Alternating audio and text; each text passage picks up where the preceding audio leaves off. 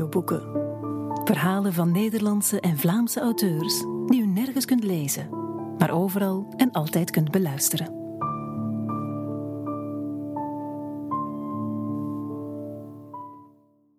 Otto's eerste. Otto is zo nieuw dat hem het vakantierooster niet eens is voorgelegd.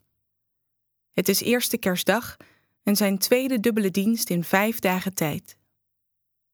Marisol zei hem een half uur geleden dat hij even moest rusten, maar telkens wanneer hij zijn ogen sluit, komen geluiden die hem tot dan toe niet opvielen ineens oorverdovend voor.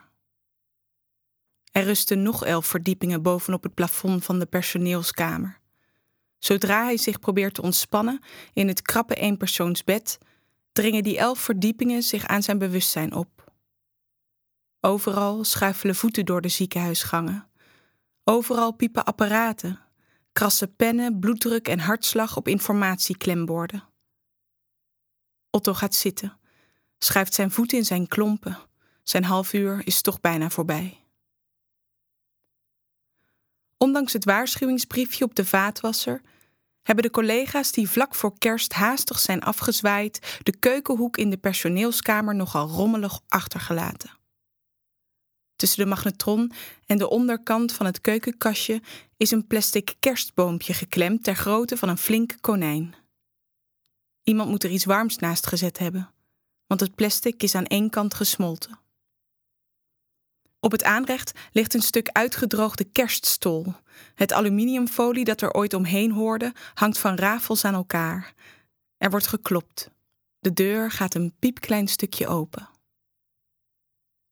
Ben je wakker, Otto? Marisol spreekt zijn naam eerder uit als auto.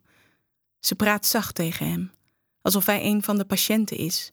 Ja, zegt hij. Ja, ik ben wakker. Goed zo, jongen. Haar hoofd steekt achter de deur vandaan. Dik, zwart haar is laag op haar achterhoofd in een knot vastgezet. Haar bril balanceert op het puntje van haar neus. Nu komt ook de rest van haar lichaam achter de deur vandaan. Marisol is gedrongen, maar fit. Haar witte jasje zit net iets te krap bij haar schouders en rond haar boezem. Ze is veel ouder dan ze eruit ziet. Daar is Otto van overtuigd. Is het al gestopt? vraagt ze terwijl ze naar het aanrecht loopt en de kerststol resoluut in de prullenbak laat verdwijnen. Otto buigt zich over het bed en drukt zijn rechterhand tussen zijn voorhoofd en het raam. De parkeerplaats beneden is zo goed als leeg.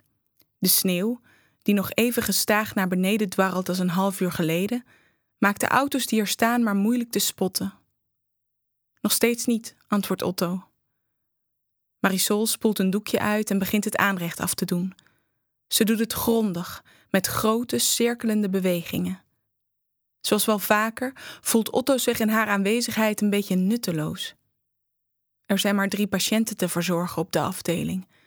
Alsof de zieken besloten hebben zich nog even bij elkaar te rapen voor een laatste kerstdiner. Marisol zou het in principe ook alleen af kunnen. Otto niet, want hij is nieuw. In kamer 412 zijn mevrouw De Haan en mevrouw Assenburg bij elkaar gelegd. Zouden allebei niet van alleen zijn en praten honderd uit, de helft van de tijd allebei verwikkeld in een ander gesprek. Als Otto binnenkomt, houden ze even in. Mevrouw De Haan heeft de deken van zich afgeslagen, hij ligt vertrappeld aan haar voeten. Had u het warm? vraagt hij. Ik heb het al de hele tijd zo heet, dokter, antwoordt ze. Haar kamergenote giechelt en houdt een oude, vlekkerige hand voor haar gezicht, alsof ze zichzelf daarmee kan doen verdwijnen. Ik ben de dokter niet, dat, dat weet u toch nog wel? Wanneer hij aan haar bed staat, ziet hij de blauw dooraderde benen van dichtbij. Twee noeste boomstammen die in een gigantische luier zijn gehesen. Het slangetje van de katheter verdwijnt in de plooien van haar lies. Otto's maag trekt zich samen. Hij kan er niets aan doen, maar iets in die onverhulde benen, zo plomp verloren in het bed, roept een enorme aversie in hem op. Natuurlijk weet ik dat, lieverd. Ik ben nog niet seniel. Otto wil sorry zeggen, maar houdt zich in. Hij glimlacht in plaats daarvan. Waar is de dokter eigenlijk? Mevrouw Assenburg houdt nog steeds haar hand voor haar gezicht. Als een kind kijkt ze tussen haar vingers door. De dokter viert kerst, mevrouw, maar geen zorgen. We hebben nog genoeg andere dokters. De vrouwen knikken en kijken elkaar samen zweerderig aan. Otto voelt zich niet prettig in hun gezelschap, alsof de twee oudjes op het punt staan een gemene grap met hem uit te halen. Het is bedtijd zometeen. Weet u zeker dat u niet onder de deken wil, mevrouw de Haan? Nee, ik blijf lekker bloot. Ze trappelt met haar benen. Het vel is stug en geeft niet mee. Otto denkt aan de camping in Frankrijk waar hij ooit met zijn vader aankwam toen de zon al onder was. Bij het openen van de tent de dag erna keek hij tussen de blote billen van een vrouw die al hurkend een gasbrander aan probeerde te krijgen. Otto schaamde zich zo voor wat hij had gezien dat hij de hete tent de hele dag niet uit durfde te komen, ook niet om de camping te verlaten. Wanneer hij kamer 412 binnenstapt, overvalt hem precies zo'n overrompelend gevoel van schaamte. Wanneer heb je voor het laatst bij hem gekeken? vraagt Marisol. Ze zit op het bed in de personeelskamer en lost een sudoku op. In de kantlijn heeft ze getallenreeksen gekrabbeld. Wanneer ze puzzelt, tikt ze om de zoveel seconden met de achterkant van haar pen op haar bovenlip. Ze zit erbij alsof ze hier woont. Zes uur, zegt Otto. Hoe stond hij erbij, vond je? Hetzelfde als gisteren. Viel je iets op? Meneer Siewert praat niet meer zoveel als de eerste dagen dat hij op de afdeling lag. Hij eet ook niet meer, slaapt vooral. Hij is lang en mager, ligt erbij als een farao in een sarcofaag, anders dan de vrouwen van 412. Statig, verzorgd, alsof hij opstaat wanneer Otto de deur uit is om zichzelf in de spiegel te bekijken, het weinige haar op zijn hoofd netjes naar één kant te strijken. Mij viel niets op, zegt Otto. Marisol legt het puzzelboekje naast zich en vouwt haar handen in haar schoot. In de hoeken van het personeelskamerraam heeft zich sneeuw opgehoopt. Als het zo doorgaat, kan Otto beter zijn auto op de parkeerplaats laten staan en naar huis lopen. Voor latere zorg. Het duurt nog een hele nacht voordat hij mag uitklokken. Hij is aan het sterven, zegt Marisol. Haar hand leunt achter haar lichaam op het matras. Ze helt een beetje achterover. Nu? Ja, nu. Otto friemelt aan een plooi in zijn broek. Hij ziet dat Marisol zijn onrust registreert en laat zijn arm weer naast zijn lichaam hangen. Otto zat erbij toen meneer Siewert met de dokter besprak te willen stoppen met de zondevoeding. Hij had de prognose zelf opgeschreven op de informatiesheet. Volgens de dokter kon het ook nog twee weken duren, zegt hij. Maar het duurt geen twee weken meer, hoogstens een dag, zegt Marisol. Otto weet niet goed wat hij met zijn lijf aan moet. Ineens voelt hij de vermoeidheid. Als hij nu op het bed zou liggen en zijn ogen zou sluiten, zou hij meteen slapen. Maar Marisol zit op het bed en hij heeft nog lang geen pauze. Moet jij nergens kerst vieren? Marisol trekt een wenkbrauw op en Otto schrikt zelf van de vraag. Het klinkt alsof hij haar hier niet wil hebben, terwijl het tegenovergestelde juist waar is. Het klinkt ook alsof hij het pertinent oneens is met Marisols inschatting, maar ook dat is niet waar. In feite weet Otto niets meer van sterven dan toen hij aan de opleiding begon. Hij heeft geleerd om mensen te wassen, bloeddruk te meten, insuline te spuiten.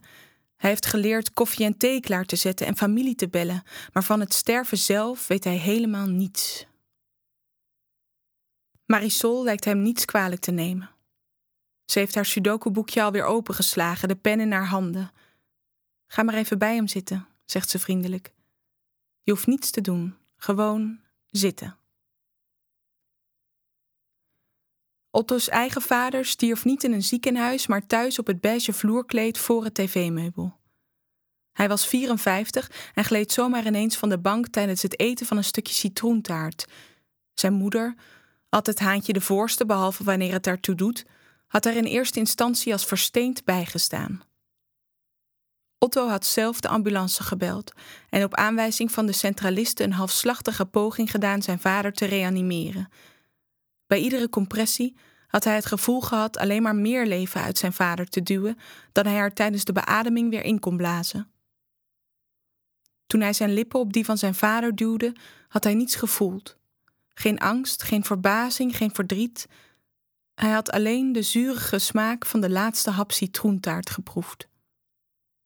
Zijn moeder had zich tegen die tijd al huilend naast zijn vader op de grond geworpen, wat het vrij moeilijk maakte de centralisten te verstaan. Tijdens de opleiding had hij zijn vader soms in patiënten herkend, met als verschil dat zijn vader onder zijn handen doodging en alle patiënten in wie hij hem herkende bleven leven. Op zijn vader na leken mensen niet graag te sterven in Otto's nabijheid. Hij was geen goede verpleger, dat wist hij ook wel. Te nerveus, te bang om fouten te maken, zowel motorisch als verbaal van nature niet zachtzinnig, eerder stram, een klein beetje onbeholpen. Het kwam hem als pijnlijk voor, alsof vreemden hem hun stervende lichaam niet toevertrouwden, terwijl zijn vader zich tijdens het eten van een stukje citroentaart zonder waarschuwing aan hem had overgegeven. Studiegenoten kwamen terug van hun stage met verhalen over hoe ze stierven bij bosjes. Bij Otto bleven ze maar leven voor nog een dag vanillepudding, nog een dag geconstipeerd op de po, nog een rondje wandelen in de patio. Ook in de anderhalve maand dat hij in het ziekenhuis werkte, was er tijdens zijn dienst nog nooit een patiënt gestorven. Ze leken te wachten tot hij naar huis ging, of zich te haasten voordat hij kwam. Meneer Siewert ligt in het halfdonker. Alleen zijn nachtlampje brandt. Dat zal Marisol wel hebben aangedaan, want zelf kan hij dat overduidelijk niet meer. Wanneer hij de kamer binnenstapt, valt Otto een scherpe, kruidige geur op die hij nog niet eerder heeft geroken. Al ligt meneer Siewert er net zo bij als Otto hem gisteren achterliet. Tijdens het wassen praatte hij nog, murmelend, de ogen gesloten, over bossen en rivieren, want hij houdt erg van natuur. Nu is zijn mond in een strakke streep veranderd, alsof de lippen zo horen, gesloten en bleek. Toen meneer Siewert op de afdeling werd binnengebracht, had hij al zoveel gierende kanker in zijn lichaam dat het een wonder was dat hij überhaupt nog rechtop kon zitten, al zat hij er wel steeds zo bij, met een kussen in de rug en wakkere ogen. Hij at keurig, niet zoals andere patiënten, die een heel leven aan manieren onmiddellijk overboord gooien om hun vanillepudding zonder lepel, maar met hun tong naar binnen te slobberen. Sinds Otto in het ziekenhuis werkt, is het pas echt tot hem doorgedrongen hoe makkelijk zieken afscheid nemen van alles wat hen mens maakt. Hoe makkelijk de schaamteloosheid intreedt, hoe makkelijk het ze allemaal niets meer kan schelen. Maar niet bij meneer Siewert. Iedere ochtend vroeg hij naar de krant. Hij sprak in volzinnen, verstopte zich niet onder zijn dekens om de dag in sluimerslaap aan hem voorbij te laten gaan. Hij keek uit naar het moment waarop Otto er klaar voor was zijn tanden te poetsen, en wanneer ze daarmee klaar waren, vroeg hij om een spiegel. Hij stelde geen rare vragen, maakte er geen show van zoals de dames van 412. Hij was een mens in een bed en hij wachtte. Behalve kleine druppels die zich door de canule van het infuus langzaam een weg naar beneden banen, beweegt er niets in de kamer. Er is bij meneer Siewert in de twee weken dat hij hier ligt nog niemand op bezoek geweest. De kamer zou zonder de oude man erin zo aan een volgende patiënt gegeven kunnen worden. Geen bloemen, geen kaartjes, geen spullen die niet aan het ziekenhuis toebehoren. Omwennig gaat Otto zitten op de stoel in de hoek. Vanaf hier kijkt hij uit op het voeteneinde van het bed, waardoor het grootste gedeelte van Siewerts lichaam aan Otto's zicht ontrokken is. Hij ziet alleen zijn hoofd, dat vanaf deze plek en in het halfdonker tot de contouren van een kin en een neus is gereduceerd. Aan de waardes op de apparaten valt niets vreemds te ontdekken. Omdat het onfatsoenlijk voelt de hele tijd naar meneer Siewert te kijken, focust Otto zich op de rode, oplichtende cijfers. Het is vreemd om hier te zitten. In de nabijheid van patiënten zit Otto nooit. Hij staat en als het even kan, staat hij ook niet stil, maar doet hij iets. En als er niets te doen is, trekt hij beddengoed strak, ook al houden patiënten daar meestal niet van. Ook wanneer hij met een patiënt praat, blijft hij staan om het gesprek kort te houden. Zo is hij nooit echt in de ruimte, maar altijd op weg naar de deur. Otto zou het licht aan kunnen doen. Het zou de kamer een stuk minder onheilspellend maken. De liggende man gewoon een patiënt in een bed in plaats van een ongedefinieerd wezen waarvan alleen de contouren zichtbaar zijn. Maar ergens is Otto bang dat het felle licht Siewert zal wekken. Dat hij aan Otto zal vragen wat hij aan het doen is. En dat Otto daar geen antwoord op zal hebben. Waarom moest hij van Marisol aan zijn bed gaan zitten? Er is hier niets te doen. Er is hier alleen maar iets te verstoren. Voorzichtig staat Otto op. Terug naar de personeelskamer durft hij niet. Daar zit Marisol ongetwijfeld nog haar sudokus op te lossen. Ze zal aan hem vragen waarom hij zo snel weer terug is. En ook op die vraag zal hij geen antwoord hebben. Om aan zichzelf te bewijzen dat hij niet bang is, zet hij twee stappen naar het bed en trekt aan de onderste rand van het dekbed. Wie houdt hij voor de gek? Het dekbed lag al goed. De gangen van het ziekenhuis liggen er leeg en verlaten bij. Otto houdt een plastic beker onder het waterapparaat, maar als hij de knop indrukt, sputtert het apparaat zonder ook maar een druppel water los te laten. Hij denkt aan zijn vader, die de gewoonte had altijd alles te willen repareren. Aan de keer dat zijn vader een schok had gekregen van de kapotte waterkoker die hij op de werkbank in de garage had proberen te maken. En hoe hij de nieuwe waterkoker, gekocht door Otto's moeder, de eerste weken had genegeerd. De aanwezigheid van het nieuwe ding, in glimmend zilver, zo vers uit de verpakking, beledigde hem. Otto had iets tegen hem moeten zeggen. Daar op dat beige tapijt tussen het tv-meubel en de bank. Iets geruststellends. Iets wat als een afscheid klonk. In het ziekenhuis voelt Otto zich constant in de minderheid. Van de zieken zijn er simpelweg meer. Er is met hen allemaal iets anders mis. Ze hebben allemaal andere ontlasting, andere bloedwaarden, andere pillen en toch zijn ze allemaal even inwisselbaar. Otto kan zich de patiënten van vorige week al nauwelijks meer herinneren. Ook de gezichten van hun bezoek klonteren samen. Een huilende vrouw op de gang, een zoon die de spullen van zijn vader draagt, een echtgenoot die zijn vrouw komt halen, in zijn hand een heliumballon in de vorm van een lachende kikker, gekocht in de cadeaushop op de begane grond. De patiënten komen en wanneer ze goed genoeg zijn, gaan ze weer weg. Otto heeft niet het idee dat hij een verschil maakt, zoals hij ook niet kon geloven dat zijn pompende handen op de borst van zijn vader iets konden repareren. Hij heeft eerder het idee dat hij iets uitstelt, iets tegenhoudt, dat hij de uren van zijn werkende leven doorbrengt in een gek soort tussentijd. Niet die van hemzelf, maar van anderen. Als Otto de deur van kamer 412 voorzichtig openduwt, wordt hij verrast door een tweestemmig, oorverdovend gesnurk. Een zurige lucht slaat van de twee dampende lijven. Otto rilt bij de gedachte dat hij omgeven wordt door alles wat de twee vrouwen afscheiden, dat hij er middenin staat. Mevrouw de Haan ligt nu helemaal op haar deken. Haar enorme kont zijn richting opgedraaid.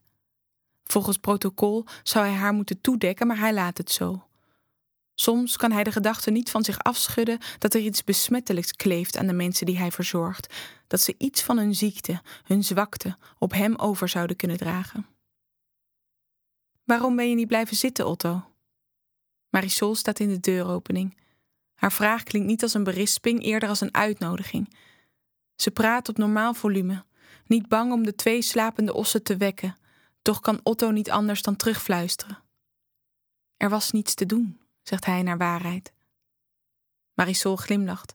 Ze heeft een gevuld bekertje water in haar handen en neemt er een slok van. Kom mee, zegt ze en draait zich om. Haar kordaatheid staat haar goed. Het is niets dreigends, maar wel iets absoluuts. Mocht er een roedel honden op de afdeling worden losgelaten, zouden ze zich tegenover haar onmiddellijk onderdanig tonen. Wanneer ze de kamer van meneer Seward binnenstappen, knipt Marisol direct het grote licht aan. De ruimte heeft niets sinisters meer en ook de geur die Otto eerder rook lijkt verdwenen. Meneer Stewart is niets meer dan een man in een bed, een patiënt in rusten. Marisol buigt zich onmiddellijk over hem heen. Ze raakt zijn bleke bovenarmen aan, waar de deken onder is geklemd. Ze lijkt hem heel kort te aaien. Daarna checkt ze de pleisters die over de infuusnaalden heen zijn geplakt. Ze strijkt iets onzichtbaars uit zijn gezicht. Otto staat onbeholpen aan het voeteneind. Hij verplaatst zijn gewicht van het ene been naar het andere. Hij moet plassen, maar dat kan nu even niet. Ik zou het ook niets vinden om met kerst hier te liggen, zegt Marisol meer tegen Siewert dan tegen Otto. Ze loopt om het bed heen, vlak langs Otto en pakt de stoel waar hij eerder op zat. Ze zet hem aan de linkerkant van het bed ter hoogte van meneer Siewerts navel. Zit, zegt ze, alsof ze hem in haar eigen woonkamer verwelkomt, en ze loopt weer terug. In de badkamer pakt ze een kruk voor zichzelf. Otto wurmt zich tussen bed en raam. Wanneer hij gaat zitten, stoot hij zijn voet tegen de standaard van het infuus, die vervaarlijk wiebelt, maar niet omvalt. Mensen sterven zoals ze hebben geleefd, zegt Marisol zonder op te kijken. Ze trekt de kruk nog een stukje dichter tegen de bedrand aan en laat haar handen over de stalen leuning bungelen. Dat ze hem net niet aanraakt, haar vingertoppen zweven vlak boven zijn pols, zorgt voor een vreemde lichamelijke sensatie bij Otto. Alsof hij het is die meneer Siewert bijna aanraakt. Maar zijn handen zijn veel verder van het bed verwijderd dan die van Marisol. Ze liggen gevouwen in zijn schoot. Ze verzetten zich of ze geven zich over. Ze zijn bang of gelaten, ze zijn nog niet klaar of hebben er juist op gewacht. Otto bestudeert het gezicht van meneer Siewert en ziet dat zijn oogbollen druk bewegen onder zijn gesloten oogleden. Hoe vreedzaam hij er ook bij ligt, hij is iets aan het beleven. Niet hier, maar ergens anders. Niemand verdient het alleen te sterven. Otto kijkt naar Marisols gezicht. Doordat het felle licht van de TL-buis reflecteert in haar brillenglazen, zijn haar ogen moeilijk zichtbaar. Hij voelt zich een buitenstaander. Meneer Siewert en Marisol, ze lijken bij elkaar te horen. Raak hem eens aan. Nu? Ja, raak hem aan. Marisol schuift haar kruk nog iets dichter bij het bed. Ze vouwt haar beide handen om Siewerts onderarm. De beweging heeft niets functioneels, maar iets liefdevols.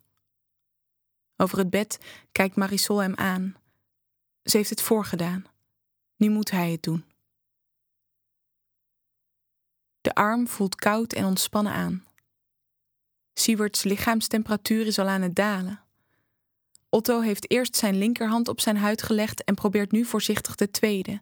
Hij zet geen druk, maar laat ze rusten. Otto denkt aan zijn vader en probeert zich te herinneren of hij hem na zijn dood nog zo heeft aangeraakt.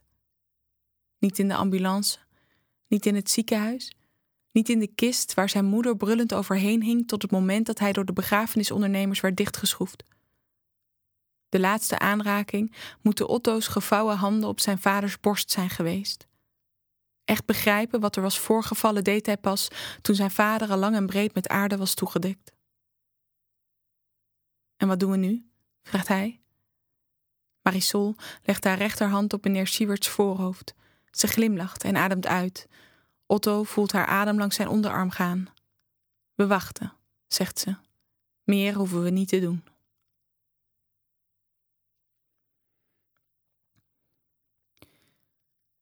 Wanneer de liftdeuren op de begane grond opengaan, worden Otto en Marisol begroet door drie uitgeslapen verplegers op weg naar hun dienst.